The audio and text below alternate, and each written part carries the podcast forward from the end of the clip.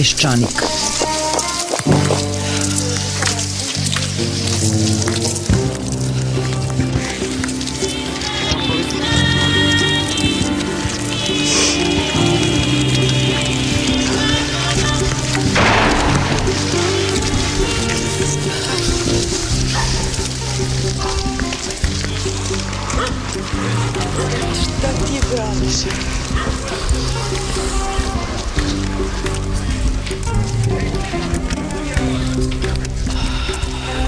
Peščanik.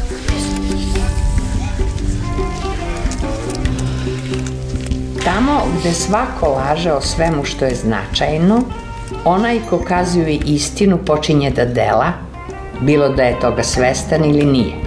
Tako se i on upliče u političku delatnost, jer u slučaju da preživi što nije sigurno, on započinje promenu sveta. Ako je tačno da je prvi i glavni uslov da bi se neki problem rešio otkriti njegove uzroke, onda smo mi na konju. Za ovu ekonomsku propast krivo je socijalističko samoupravljanje. Ove nedelje Aleksandar Vučić je na nekom nemačko-srpskom forumu upravo samoupravljanje proglasio državnim neprijateljem broj 1 i najavio njegovo brzo hapšenje.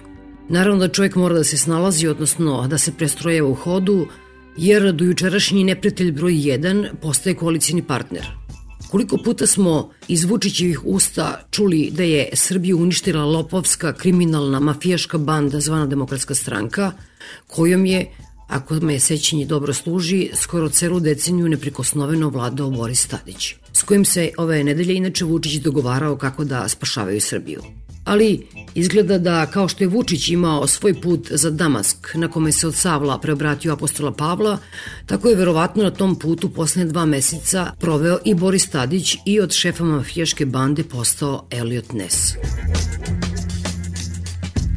Socijalističko samoupravljanje je moralo izbiti i na čelo liste za hapšenje i zbog toga što je nezgodno za propast javnih preduzeća okriviti partijsko zapošljavanje, odnosno partijske vojnike raspoređenje na čelo javnih preduzeća koja prave gubitke koje se mere milijardama. Međutim, ove nedelje smo stekli ne samo novog, odnosno starog neprijatelja samoupravljanje, nego i nove prijatelje – Aleksandar Vučić je izrazio zahvalnost, citiram, dragom prijatelju gospodinu Šrederu što je došao u Srbiju i što razume potrebe malih naroda. Gospodin Šreder je uzvratio i rekao kako mu je unapređenje odnosa Nemačke i Srbije priraslo srcu. Skoro koliko je i gasovod Severni tok, čiji je veliki i dobro plaćeni prijatelj. Našim medijima je Šreder posebno prirastao srcu jer je pokazao da ima razumevanje za suvlasnika Severnog toka Putina, odnosno za njegovu intervenciju na Krimu i drugim delovima Ukrajine, rekavši da je najzad shvatio da je NATO bombardovanje bilo protivno međunarodnom pravu. Zbog gospodina Šredera, nesrećni Vuk Drašković, Velimir Ilić i drugi predizborni partneri SNS-a još uvek sede kraj telefona i čekaju da ih stariji partner pozove makar na kafu ako neće u vladu. Ištvan Pastor je za sebe obezbedio mesto jednog od vitezova okruglog stola. Dušan Petrović se snishodljivo smeška ulazeći u kamelot sa Tadićem, nadajući se da će mu kralj Artur mačem dotaći rame, a neuništiv Rasim Ljajić, za koga je Mihajlo Suslov malo dete, a on je nadaživo sve i Staljina i Hruščova i Brežnjeva i Andropova, dakle Rasim Ljajić ima zagarantovano mesto ministra.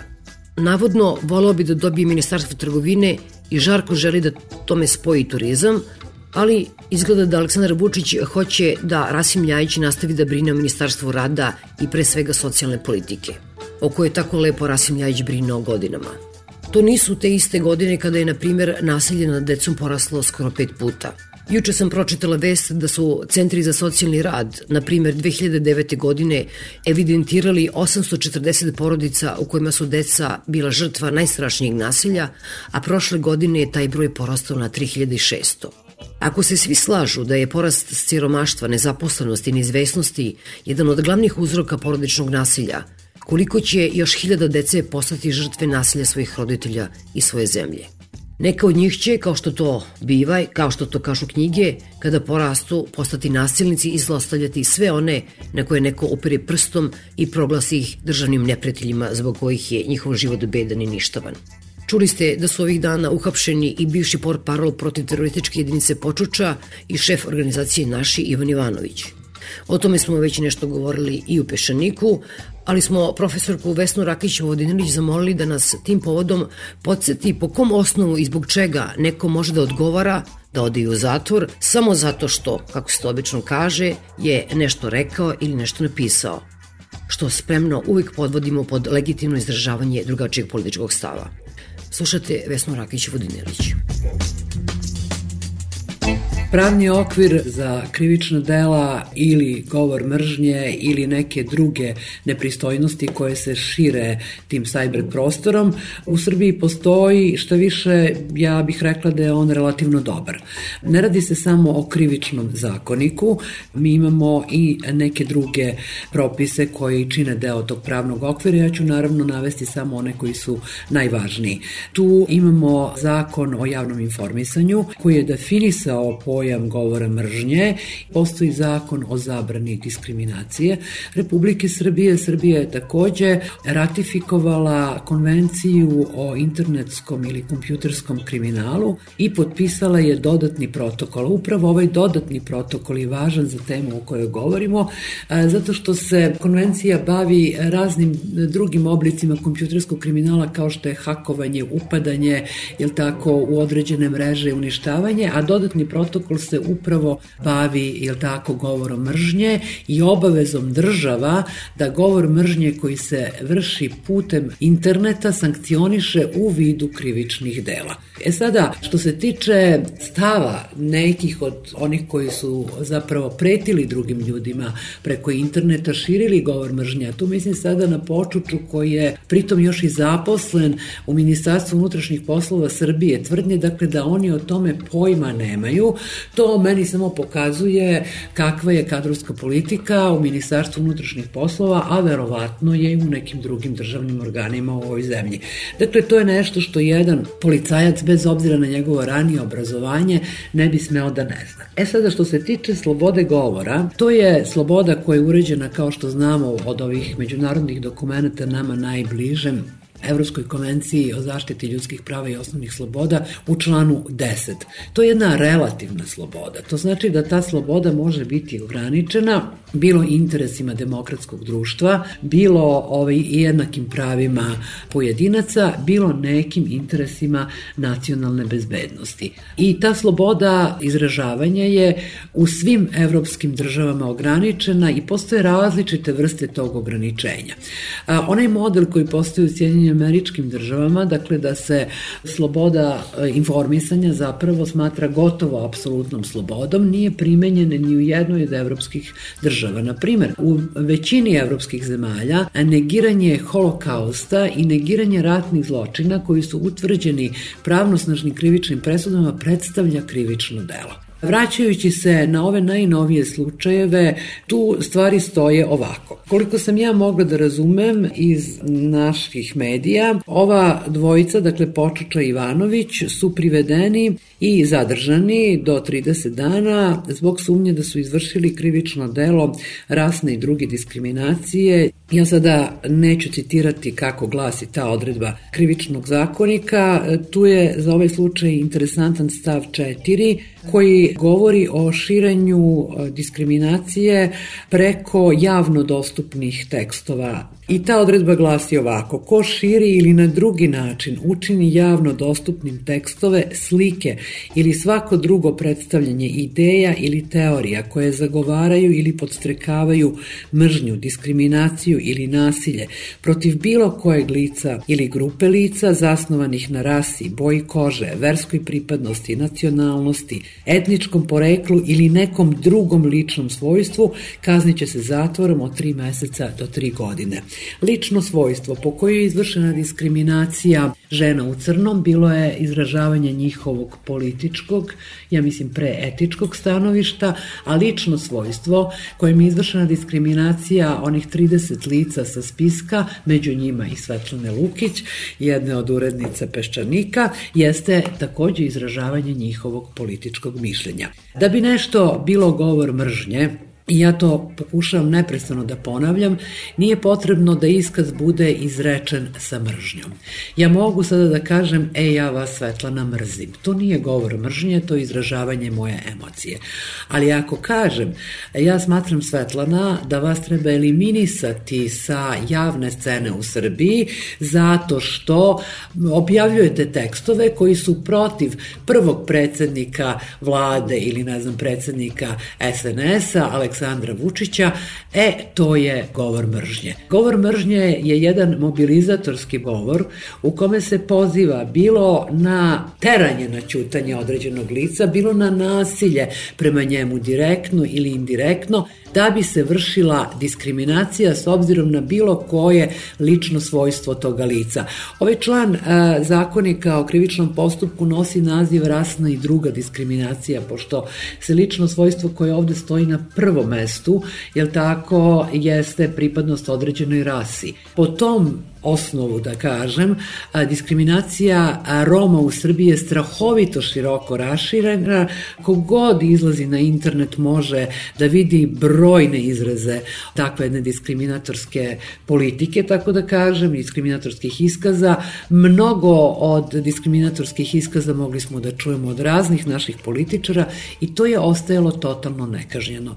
Ovde u ovom slučaju i kad su u pitanju žene u crnom, kad je u pitanju spisak 30 30 ljudi, radi se o diskriminaciji određenih pojedinaca ili grupa ljudi zbog toga što oni izražavaju određeni politički stav da je zapravo, kada je u pitanju počuča, došlo do eklatantnog pozivanja na nasilje, govori podatak da se ispred sedišta žena u crnom skupila nekakva grupa ljudi, verovatno inspirisana širenjem te mržnje preko interneta, a da je u konkretnom slučaju, kad je reč o Ivanu Ivanoviću, onih 30 ljudi, pozvano na krivični progon i na opštu mržnju i sramotu prema tih 30 lica, to je takođe evidentno. Šta će se dalje u krivičnom postupku dešavati, to ja ne znam.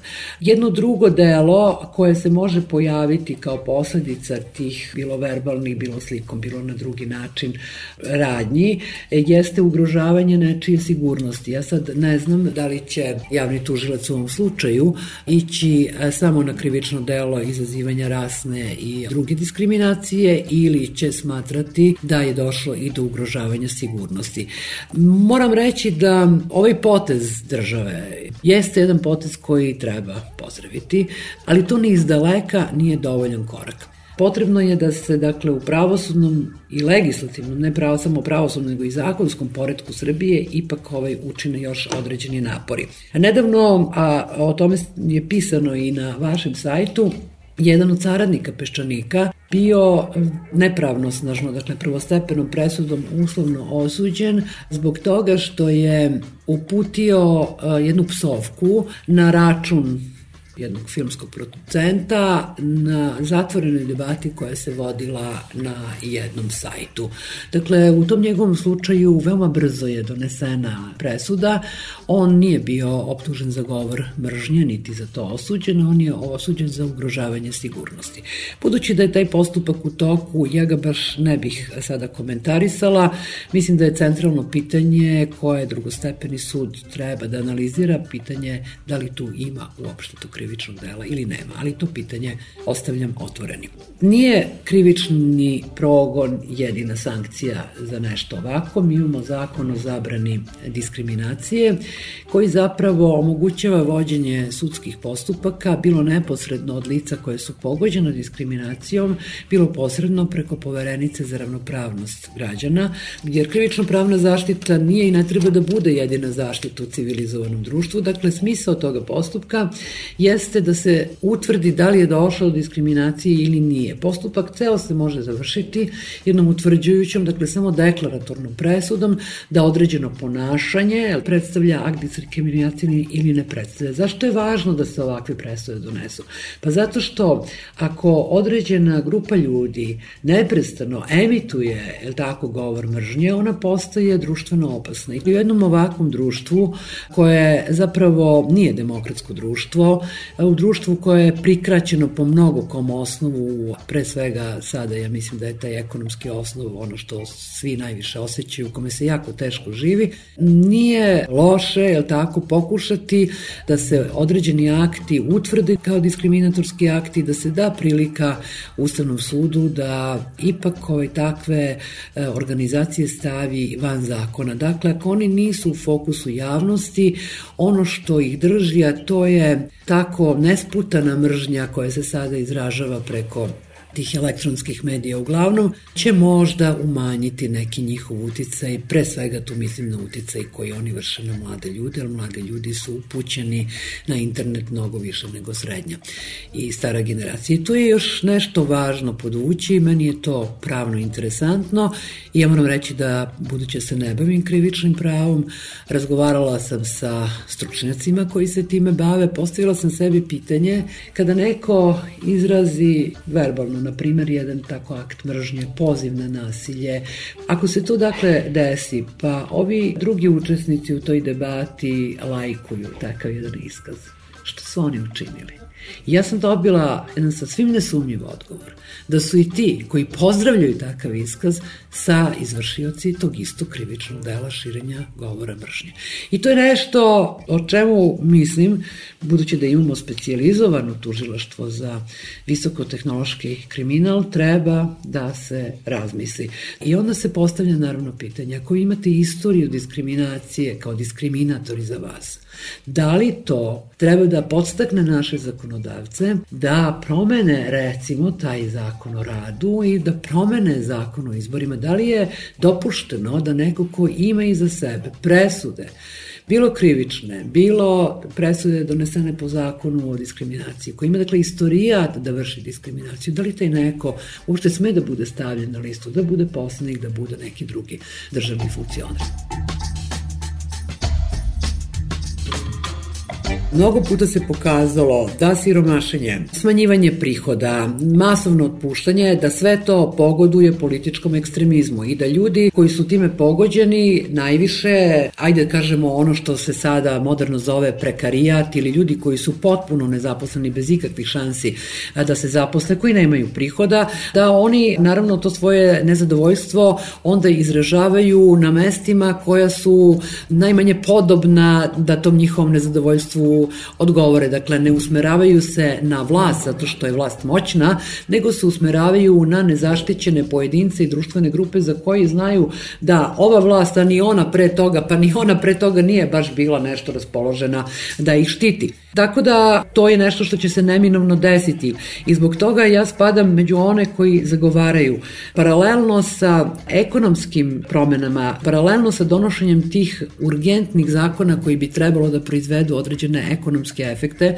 moraju da budu izvršene istovremeno i paralelno neke promene e, koje se odnose na tako da kažem pod znacima navoda politički pravne ciljeve određenog zakonodavstva. Dakle, da se primene određene mere koje bi na neki način to nezadovoljstvo kanalisale tako da ne postane suviše neorganizovano, suviše difuzno i da ne postane tako da nijedna država zapravo neće moći da ga savlada, a verujem da je to u interesu svih nas. Međutim, to se ne postiže autoritarnošću, to se postiže traganjem za nekakvim društvenim konsenzusom. Rezultati ovih poslednjih izbora za mene su zabrinjavajući ne zato što je Srpska Srpska napredna stranka dobila toliko nadmoćan broj glasova zbog čega ja uopšte nisam srećna, meni se to ne sviđa, ali to nije bitno u ovom slučaju.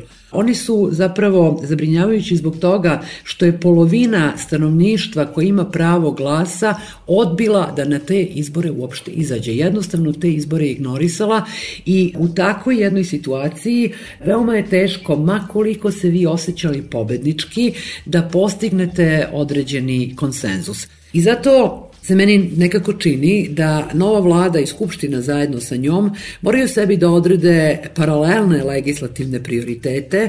Jedni su ekonomski svakako, drugi se tiču, jel tako, promovisanja i obezbeđivanja socijalne zaštite i nekako obezbeđivanja toga da većina stanovništva ne potpadne po tu kategoriju prekarijata, to jest ne ostane na margini. To je vrlo teško, ja sam toga potpuno svesna, ali nikad mi neće biti jasno jasno zašto je prioritet zakon o radu, a nije prioritet zakon o radu u državnim organima. Kada je država najveći poslodavac u ovoj zemlji, vi recimo nemate više onu zabranu da neko ko je član rukovodstva političke stranke ne može biti zaposlen kao službenik u državnim organima. Ali imate još uvek odredbu da državni službenik, onaj ko je zaposlen u državnom organu, a koji izražava tako neke političke stave i primenjuje ih u svom radu, mora da odgovara za težu povredu radne obaveze. Kad smo mi čuli da je, na primer, evo, Dikić, koji je bio na čelu ove žandarmerije, i kad odgovarao disciplinski za težak disciplinski prekršaj zbog izražavanja svojih političkih stavova. Kada se govori o zakonu stečaju, koliko sam ja mogla da vidim, ono što MMF zahteva, to su neke razne vrste predstečajnih nagodbi, nešto što postoji u dobrom broju zemalja i tu postoji jedan rđav primer koji ne treba slediti, to je primer Hrvatske, ali niko ne govori o ličnom stečaju. O tome da vi ako ste prezaduženi kao fizičko lice i kad ne znate šta ćete, osim da skočite s mosta, da vam se ipak na neki način obezbedi ekonomsko, pa onda i svako drugo preživljavanje putem takvog jednog ličnog stečaja. Sa druge strane, kažem, trebalo bi doneti na osnovu tog međunarodnog okvira ili unaprediti postojeće za zakonodavstvo i krivično, ono koje se tiče drugih aspekata zaštite od diskriminacije, tako da ljudi koji se osjećaju pogođeni pojedinim ekonomskim merama, koji se osjećaju na margini društva, prosto ne udaraju na pogrešnu stranu. Znate. E sada, ja bih želala i zaista, eto, na neki način čini mi se i verujem da bar ovaj primer ovog krivičnog progona pokazuje da se nešto promenilo. Možda se do duše i vara. Jer na onoj istoj listi na kojoj se nalazi vaše ime, nalazi se i ime, na primer, Milovana Drecuna, a vi imate potpuno različitu izdajničku istoriju u ovoj zemlji. Hoću da kažem, vi ste izdajnik od samog početka, a on je bio patriota, pa je sad nekako prešao u taj izdajnički tabor. Ja se nadam da imena ljudi koji se nalaze na tom spisku, ne mislim da vaše ime, ono se mnogo puta nalazilo na raznim spiskovima, pa se ništa nije desilo, da nisu samo imena tih ljudi ta koje su inspirisala tužilaštvo za visok visokotehnološki kriminal da krene sa ovako jednim ozbiljnim merama sa kakvim se ranije nismo susretali. S druge strane, mislim da stvarno ovi naši nezavisni organi, tu pre svega mislim na poverenicu za ravnopravnost, moraju da se malo više pokažu na javnoj sceni i da i bez vaše neke molbe, obraćanja i tako dalje, povedu sudske postupke, dovoljno da se utvrde akti diskriminacije i onda, kažem, na redu je i Skupština, na redu je ili vlada, da prosto nastoji da iz političke elite eliminiše ljude koji imaju diskriminatorsku predistoriju. Ja se pitam kada gledamo današnju političku scenu, ko bi tu zapravo i ostao? Dosadašnje iskustva sa radom ove prethodne vlade, dakle koje su trajale nešto manje od dve godine, pokazuju da je ova vlada zapravo sa nekim izuzecima, nekim tako da kažemo izletima Dačića, bila uglavnom one man show. I to se podstiče od strane te najveće političke stranke. Mi smo bili vrlo često u prilici da od njihovih visokih funkcionera čujemo da predsednik stranke zna najbolje i da će on to odlučiti. Čuli smo i nešto što nije samo ulizištvo nego zastrašujuće deluje i to od predsednika Skupštine da treba spustiti Aleksandra Vučića kao najpametnijeg među njima da on dalje određuje sudbinu Srbije. S druge strane, mi smo čuli od samoga Vučića to da bi želeo i da očekuje da vlada Srbije radi kao futbolski klub Bayern, koji je odmah, da napomenem, e, slučajno sam to pročitala, izgubio od outsidera Augsburga, pa se nadajmo da neće tako da se desi sa ovom našom vladom, ali prosto to uzred pominjem. E sada, da li je on sposoban da formira tim u kome će svi biti ravnopravni, a on prvi među jednakima, ne znam, ozbiljno sumnjam. Ako se odlučivanje o svim tim pitanjima koja svakog građanina bole, a to su cene, hrana, bolnice, škole, vrtići, socijalna pomoć, Ako dakle tu ništa ne bude učinjeno, nego se samo država kao država, bez obzira na svoje stanovništvo, bude čupala iz dugova u kojima se nalazi do guše, onda mislim da ne postoji ništa nikakav zakon, nikakav napor koji može, je tako, na neki način da kanali kanališe gnev i to opravdani gnev, ma kako se ponekad nama ne sviđalo to što ljudi lajkuju počuču, ali znate, treba doći dotle da se lajkuje počuča. Ja ne verujem da ga lajkuju samo oni koji imaju njegov životni put, nego i neki klinci koji su jednostavno nezadovoljni, ljuti, besni i ne znaju šta će dalje sa sobom da rade. Dakle, onda ne postoji ni jedan zakon i ne postoji ništa osim gole sile države policije i vojske, ko će to da drži pod kontrolom. A to je nešto što zapravo ne bi smelo da se desi. Naravno, ne može da se isključi da se ne desi. E sada, čak i ako bi ta vlada bila tim u kome bi pojedinci smeli da kažu kapitenu da smatruju da ipak nešto nije u redu i da on ne može sve sam da radi, dakle, čak i ako bi ona postala takav neki tim, onda se s druge strane postavlja još jedno drugo pitanje, koliki je procenat ljudi koji ovde žive spreman da prihvate žrtve koje nam eto neki takav tim nudi. I šta se tom stanovništvu nudi kao izgledna naknada za te žrtve. Ta obećanja bit će nam bolje 2014. pa 2015. pa ne znam, ispunit ćemo uslove za EU 2018. Sve to ne znači ništa kada vam se neprestano odlaže to svetlo na kraju tunela tako nekim neodređenim događajima, znate, i ne mora samo svetlo, na nekim banalnim stvarima se to vidi. E to taj ugovor o snivanju Etihada, pa koliko puta je samo bilo obećavano da će tu nešto da se učini. Pa onda recimo borba protiv korupcije. Danas sam pročitala u jednom dnevnom listu da je tender za pranje prozora, sačinjen tako da samo jedna firma može da ga ispuni. Pa onda ovo što se desilo sa tim računima. Sa tim računima se desilo da je promenjen onaj ko vrši kompjutersku podršku za obračun struje, ranije to bio tehnološki fakultet, sada je to jedna privatna firma, ja mislim da vi novinari treba da se raspitate čija je to privatna firma. I koliko sve te lepe priče o borbi protiv korupcije predstavljaju samo priča, koliko zaista predstavljaju nekakvu praksu. Nažalost ima indicija da su to uglavnom priče. I te priče se nekako podgrevaju, održavaju na površini, ljudi im veruju time što kad god otvorite novine stoji uhapšen je ovaj, uhapšen je onaj, ovaj treba da bude uhapšen, onaj treba da bude uhapšen, dakle uhapsimo Srbiju, uhapsimo neku raniju elitu Srbije pa ćemo time rešiti sve. Time nećemo rešiti apsolutno ništa. E, nemam naravno ništa protiv hapšenja, misli samo napred kad god ima razloga za to. Dakle, problem je u tome što mi ništa zapravo u ovom trenutku ne znamo. Ne znamo da li će ta vlada biti vlada jednog čoveka, iza koje se samo onako kao zečevi skrivaju drugi ljudi, a s druge strane nekako mi se čini da je strašno važno da sa mnogo mesta dolazi ta ideja da se mora postići neki društveni konsenzus, da se zapravo mora po nešto žrtvovati, da to žrtve, tako da kažem, moraju da budu pravično raspoređene u jednom društvu, dakle da najviše žrtava nosi onaj koji je u najpovoljnijem društvenom položaju i političkom i društvenom a najmanje outsideri, da se tu dakle mora postići neka pravična raspodela snošenja tereta, i da se naravno na jedan verodostojan način objasni šta će se to desiti za dve ili tri godine da mi možemo da naslutimo ili da počnemo da verujemo da će se nešto promeniti na bolje.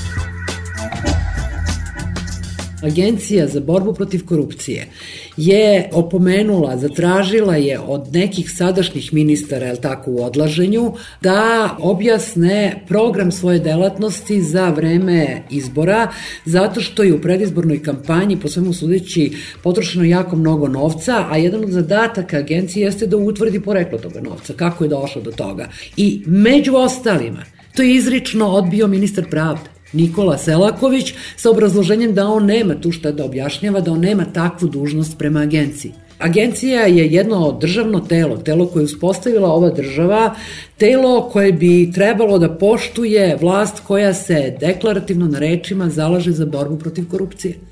Mnogi od njih ja mislim i prvi potpredsednik vlade nisu uopšte dostavili blagovremeno taj izveštaj o tome šta su radili. Tu se pre svega misli na one, tako da kažem, one delove kampanje predizborne gde vi ne možete razlikovati da li neko nastupa u vidu državnog e, funkcionera, političkog funkcionera ili u vidu kandidata jedne stranke za određeno političko mesto. I to je nešto što je zatražila Agencija za borbu protiv korupcije i vrlo osijono je to odbijeno. To je ono što isto važi i za sudiji. To je jedna stara izreka.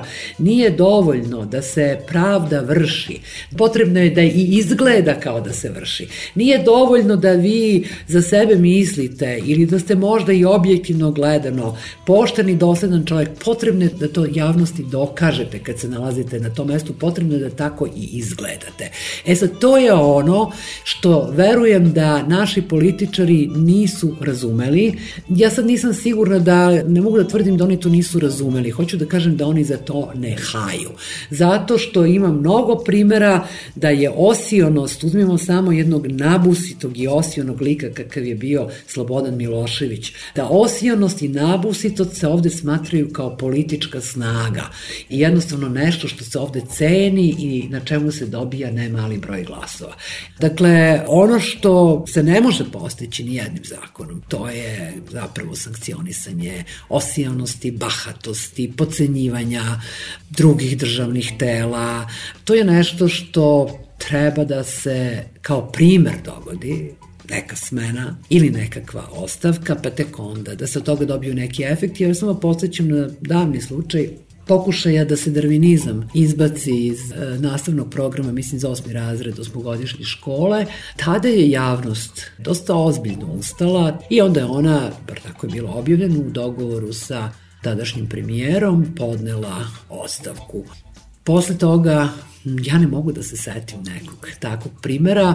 Rekonstrukcija vlade koja je izvršena je možda bila pokušaj da se sankcioniše bahatost, ja tu imam na umu pređešnjeg ministra poljoprivrede koji je podigao onaj dozvoljeni nivo aflatoksina za 10 puta, ali to nikad nije rečeno. Naprotiv, tvrđeno je suprotno da je on bio odličan ministar, ali da zbog nekih razloga koji su ostali u magli on to više neće biti. Dogod se to ne kaže izrično, sa mesta koje većina građana u ovom trenutku poštuje, a to je mesto budućeg premijera, od toga ništa neće biti. Da, sada su Vučića sa njegove desne strane je stajao taj ministar poljoprivrede koji je otišao, a sa njegove leve strane je stajao ministar pravde, o kome ste mi malo pregovorili. Pa baš lepo što su stajali. To je onako oličenje ljudi koji e, zbog toga što ne izgleda kao da tu vlast vrše na primeran način ne treba da budu ministri po mom skromnom mišljenju koji niko neće uvažiti.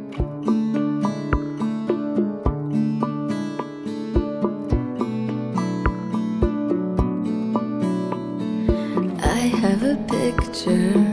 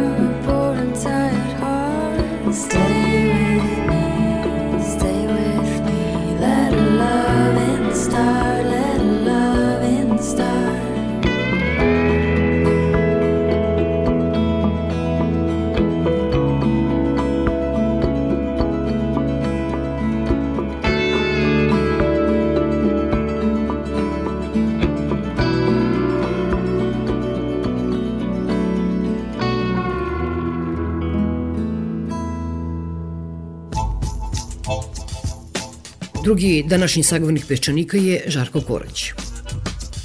Izbori su dobili karakter referenduma kao 2000. godine. Jedna od najneprijatnijih izbornih parola Srpske napredne stranke je bila ko nije za Vučića, taj je za tajkune, odnosno za Miškovića, je u stvari pobedila njegovo hapšenje Miškovića i te njegove izjave da će on da žrtvuje svoj život za Srbiju, ali će on da donese slobodu i vrati novac građanima osiromašeni Srbije, u stvari pobedilo činjenica da su ogromni novci potrošeni u kampanji Srpske napredne stranke, ovako doka ja ne mogu to da dokumentujem, ali to svako ko pa živije gleda može da smatra da on potroši isto toliko novaca koliko svi ostali zajedno, a verovatno i više. Pokazuju da su građani u generalno, što kažu, grosso modo to prihvatili.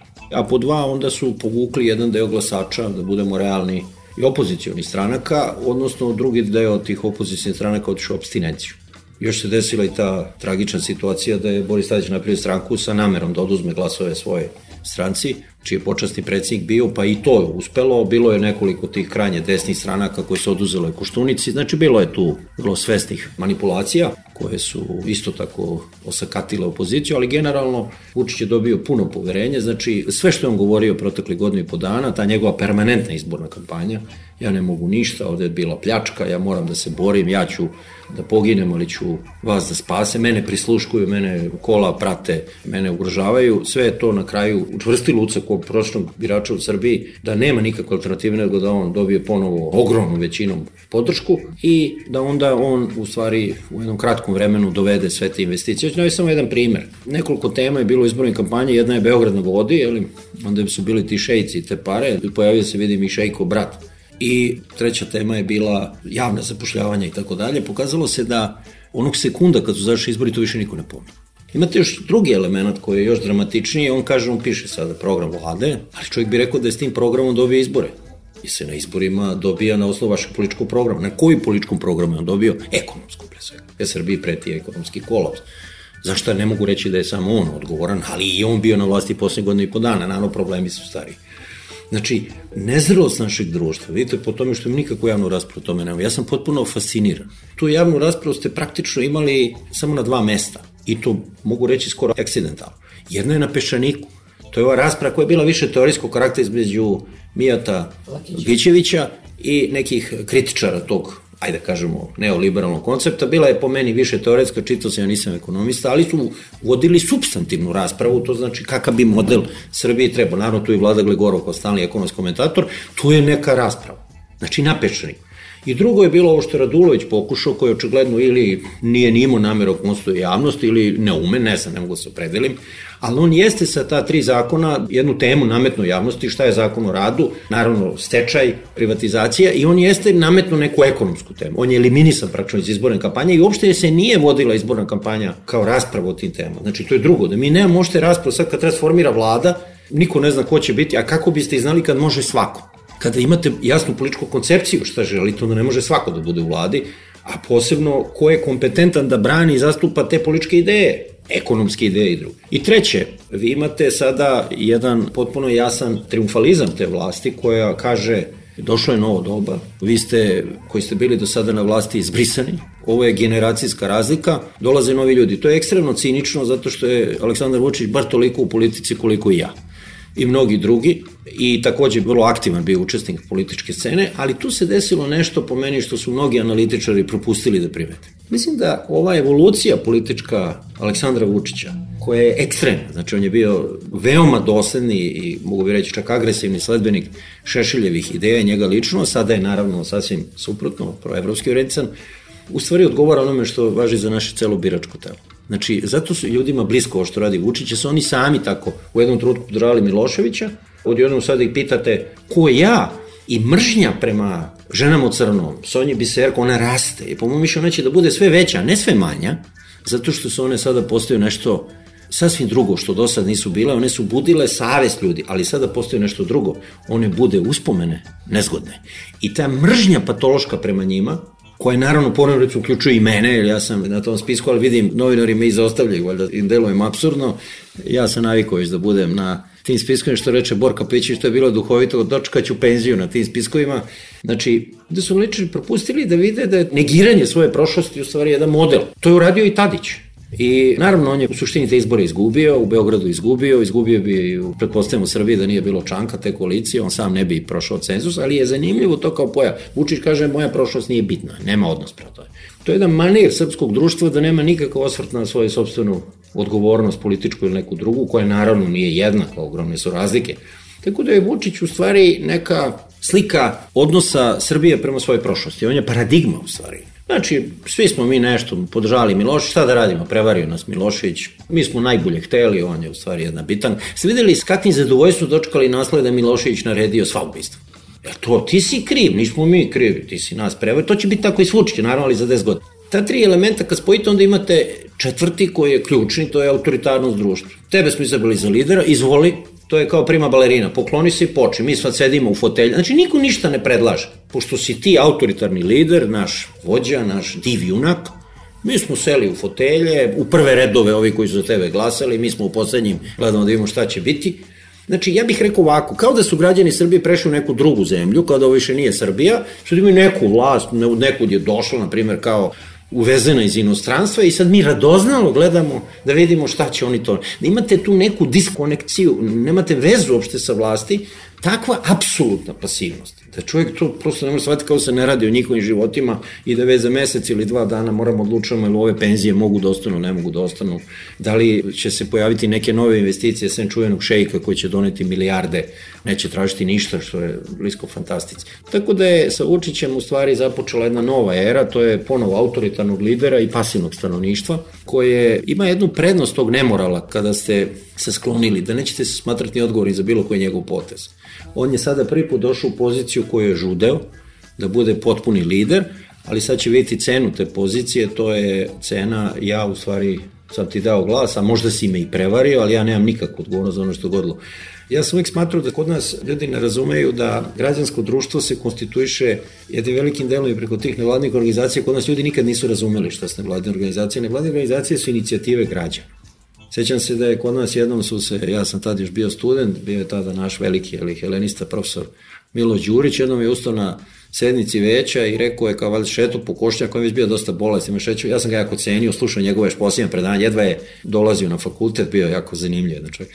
Ovaj rekao je da je video kako dečaci s praćkama slavuje, ovaj ubijaju, ovaj valjda čuo slavuje u košnjaku i onda je rekao da sećam se nije oni su zaštitimo drugove slavuje. Ovde se sve očekuje od vlasti od države. I ta potpuna sad pasivnost ponovo svih građana Srbije je logična posledica ogromne autoritarne i vrlo agresivne kampanje Vučića i Srpske napredne stranke, ima on, ima stranka koja ga sluša bezpogovorno i šta imate vi drugo da mislite, vi samo kao vojci, vi samo recite razumem i sve će biti u redu.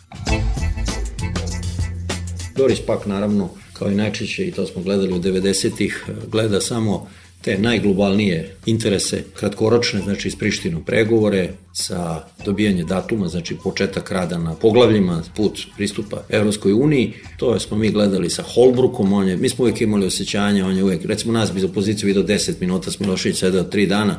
Ja nekada imam utisak, neka mi kažu, oproste oni ako grešim ljudi, da njima zapravo imponuje autoritarni lider, jer vi u demokratijama to nemate. Ja nekad mislim, oni kad dođu ko ljudi ko Erdogan, ili Putin, oni su stvari negde nesvesno i dive to.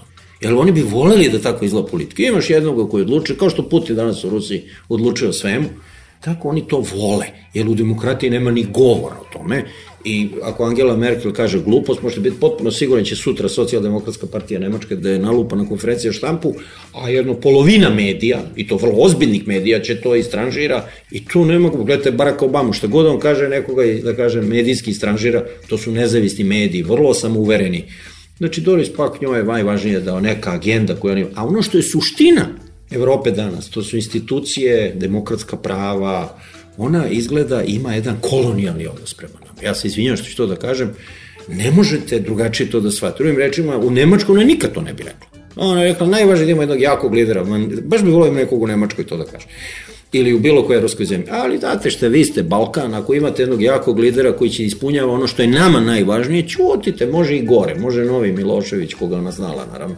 Znači, dok vi radite što nama treba, posle će demokratija, mediji, doći će to na red. To je prike. Ona bi sad rekla meni, pa ne, ne, nisam ja to rekla. Ja sam mislio za 5-6 godina ili 3 mi ćemo razgovaramo, pa, a zašto ne bi odmah razgovarali o medijima, da mi živimo u vremenu koje se može nazvati vreme kao što je postojao crveni teror, pa beli teror, ovo je teror tabloida. Srbija živi u tabloidskom teroru koji su naravno policijski bilteni.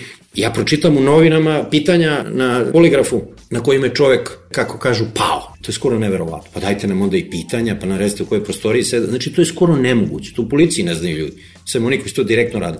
Znači, ako je njoj stalo do demokratije, ona se bavi Srbijom, nisam ja izabra da se bavi onda je ona trebala da nešto kaže o svemu tome. Da li bi to recimo u Nemačkoj moglo da se dogodi, neka uzme primer svoju zemlju. Naravno, ona to ne kaže zato što ona to smatra manje važnim. I onda vi vidite u stvari da ova bitka će ipak biti pre svega naša sobstvena bitka da ponovo vratio medije Oni su se jedva otrgli od toga da u potpunosti služe vlastima, služili su i za vreme Borisa Tadića i to vrlo mnogo, dakle da ne bude slučajno da amnestiram, ali to je tada rađeno lukavije, znači rađeno je putem materijalne te, a sad je to kombinacija direktnih pritisaka, manipulacije i mat, sad je to ozbiljnije. Ja mislim da je proces pomirenja s prošloću bez ikakvog prihvatanja odgovornosti završen sa Tadićem. Tadić je vlada će imati istorijsku odgovornosti on lično za to što je uradio. Pokazat će se onaj tekst koji je s Dačićem potpisao istorijskom pomirenju da je u stvari doslovno to i bio. To je prekinuo po meni bilo kakvu stvarno moguća srpsko društvo suoči sa prošlošću, znači Tadić je to svesno radio.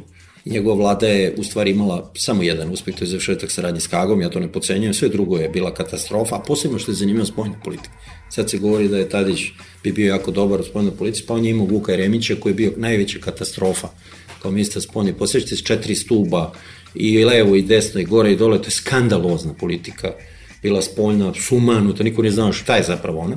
A sa Vučićem mi se čini, možda ja grešim, da je on u stvari svoj zeni dostigo pre samih izbora, a to je proces zaista za koje je trebalo političke hrabrosti, više puta sam rekao sesti sa Tačijem, premijerom Kosova i pregovarati i dobijanje datuma početka pregovora. To jesu uspesi, nesumnjivi. Nemam utisak da ova vlada u stanju i ovi ljudi, bar pome kako je bila izborna kampanja, da su u stanju da sad učine ono što je najvažnije, to je da se digne ekonomija i da se ekonomski Srbija počne da izlači iz rupe u kojoj se nalazi. Moj utisak da su oni postigli, kao što je Tadić sa saradnjom s Kagom jedino što je uspešno završio, ovi su završili ovo, da mi u stvari idemo, sve vlade koje dolaze, one nešto urade istorijski, ali po cenu da ništa drugo. Znači kao da su ekstremno mali kapaciteti vlada. Da ona možda uradi nešto važno, ali ne i sve ostalo važno što bi sad bilo. Na primjer, oni su obećavali reformu sudstva, to više niko ne govori tu više se ne spominje, ko će to da radi, kako, šta su prioriteti u policiji, Dačić se očigledno time nije bavio. Vi onda imate jedan tako prazan prostor u kome sad će jedan čovjek odlučivati, a posle će naravno biti zgodno i da ga svi okrive kad to ne bude išlo kako treba. Znači Vučić je hteo da se popne na vrh planine, sad se popeo, pošto on nikad nije bio u toj poziciji, on je u stvari uvijek bio kritičar. I još sam ovo teo kažem, današnji tabloidi strašno liče na ono u knjigu Laufermira. To su te dezinformacije, poluinformacije, poneka tačna stvarno informacija, laži, neverovatne. Sad ima mnogo Laufera i Lauferi stalno javljaju, tako da će ispasti da ipak ta radikalska prošlost bila formativnija nego što smo mi mislili kod te stranke, da je iskorak u pogledu ciljeva i u pogledu političkih vrednosti koje se brane, ali ne u formi političkoj. Forma mi počinje da izgleda i već duže vreme potpuno isto. Evo, bila je ova afera sa tabloidima u Engleskoj, jer jedan od tih tabloida Ruperta Merdoka je čak prestao da postoji, toliko mnogo afera je bilo veseno da je on sam morao da ga ukine. Tu su otkrivene neverovatne stvari koje ja lično mislim da dešavaju u našoj zemlji, ali to još niko nije rekao, to je da su bila direktna prisluškivanja ljudi, neka preko policije, neka mimo. Rupert Murdoch se morao da nagodi sa svim te ljudima, recimo sa gluncem, Hugh Grantom i tako dalje, očigledno im je dao stotine hiljada funti da odustane od ličnih tužbi, jer bi naravno to izgubio na sudu. Ali čitao sam komentar, mislim da je opet bio u engleskom, čini mi se, napisali su, jeste, ovo je grozno, ali mi imamo nešto što je važno, imamo nezavisno sudstvo. I kad je to onda ušlo u sudnicu, E, onda je đavo odneo šal. Onda je Rupert Murdoch počeo brže bolje da daje te pare, a imaće ozbiljan sudski proces, ja verujem da će biti osuđena, jedna od bliskih saradnica Ruperta Merdo, koja isto vremena bila prijateljica Alistera Campbella, koji je bio prijatelj Tony Blaira i u stvari najuceniji čovek u njegovoj vladi. Njim rečima, tamo kad je nešto ušlo u sud, kako bi rekao, igranka je završena. Taj sud je nezavisan, naravno, nezavisno od tog sistema se gradi postepeno ali morate napraviti prve korake. Znači, on očekuje da neko može za mesec dana ili za godinu dana ili za dve da napravi nezavisno sustav, ali može da krene u tom pravcu. Ono što je sigurno, što je demokratska stranka bila u pravu, to je da je potrebna reforma pravosuđa. Da biste vi to imali, vi to imate kompetentne saradnike. Ko su njegovi saradnici? Sve što pitaju bilo koga SNS-a, rukovodioce te oni kažu, Vučić je rekao ovako, bilo je na, gospodin Vučić je rekao, Aleksandar Vučić će reći, i zato ja nemam to neko poverenje, ali ne vidim među njegovim saradnicima ljude koji su izneli već neke svoje ideje. Znači, svi se čekaju da kažemo, piše program. Čekaj, u redu. Ali ja ne znam šta ti hoćeš da uradiš u ovom društvu. Može borba protiv kriminala. Mislim, uzgled budi rečeno, ako je to tvoj prioritet, pa neki ljudi neće moći biti u vladi koji su bili do sada. Postoje vrlo ozbiljne sume da su i neki ljudi u vladi tvoji, koalicijonoj ljudi pod, uzgled ti si ponovno stavio na listu poslanika, neki ljudi koji imaju krivičnu prijavu. Mene to sve dovodi u jednu nedumicu sa tim strašnim obećanjima da će Srbija, da je ovo počela kao Periklovo doba. Sad dolazi zlatno doba srpske demokratije, ili tako se za Perikla govorilo. Ja vidim sada ovaj, jednu nemoć u stvari. Tako da si ti dobio ogromno poverenje, svi te gledaju, a ti u stvari sad, meni se čini ne znaš u stvari šta da radiš. Ti kao žongliraš, bacaš loptice. Paradoksalno socijalisti, naravno, koji bi rado da uđe u vladu, su rekli jednu tačnu rečenicu koju oni inače ne misle. To je dajte da vidimo šta su prioriteti te vlade, pa onda da vidimo da li mi tu može. Ali to je zapravo je tačno. Ako hoćeš da budeš protiv krađe i pljačke, šta je s policijom?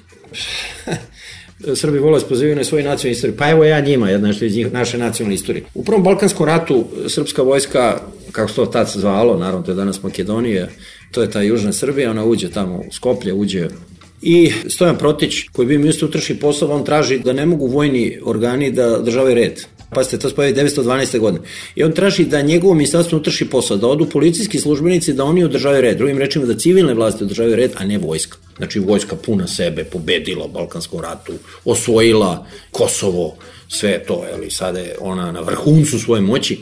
Oni su pretili Stojanu Proće ga ubiju. Posto generali su rekli, mi ćemo da ubijemo tu budalu. Ko je on? Ali on, ne, ne, ne, on Pašiću kaže, ne, kaže, to mora da se civilna vlast odma. Evo on čoveka koji ima neki stav i koji ima hrabrost da to kaže. Ja prosto mislim da mi imamo sve više ljudi u toj strukturama vlasti koji niti su sposobni, niti imaju karaktera da se založe za bilo šta, pa da izađe onda iz vlade, izlazi svakog dana neko po Evropi, izlazi iz vlasti zašto mu neka ideja nije prošla. Znači ti hoćeš Lazara Krstića, da, nema ništa protiv, mlačak je dobro, ali šta, zašto se zalaže Lazar Krstić?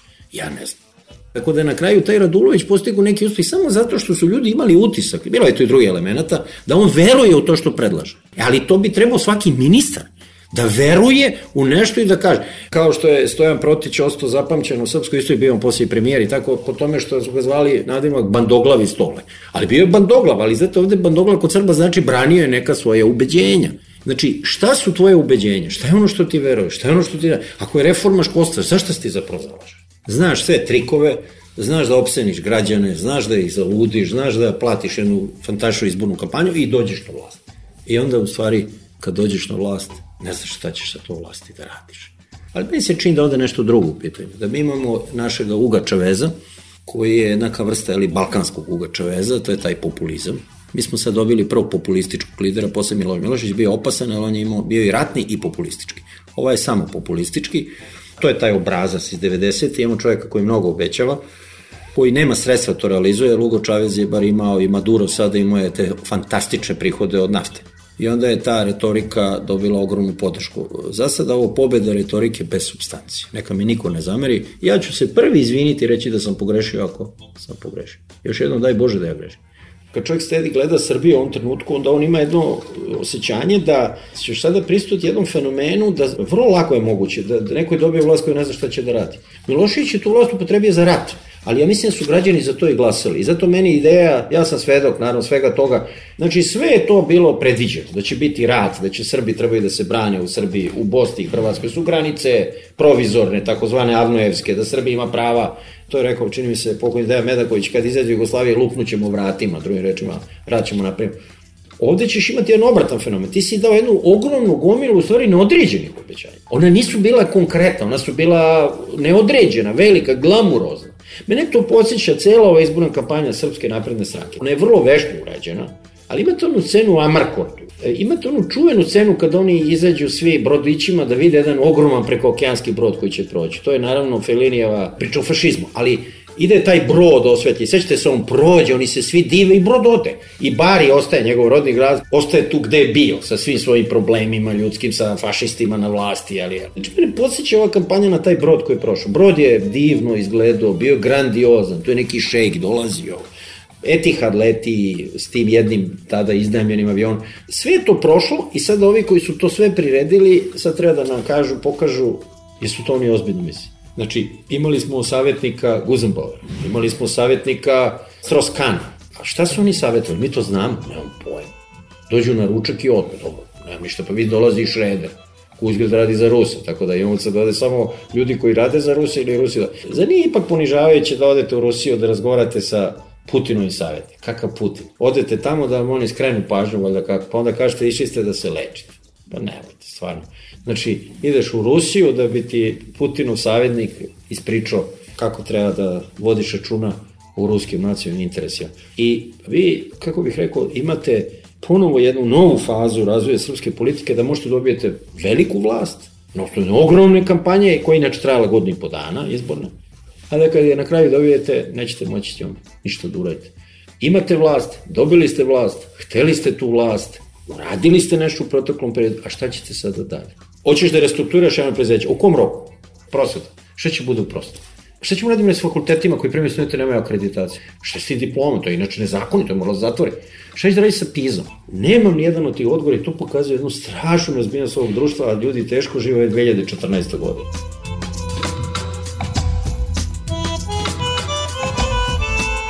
Bio ovo još jedan peščanik. Slušali ste Vesno Rakić-Vodinelić i Žarka Koraća.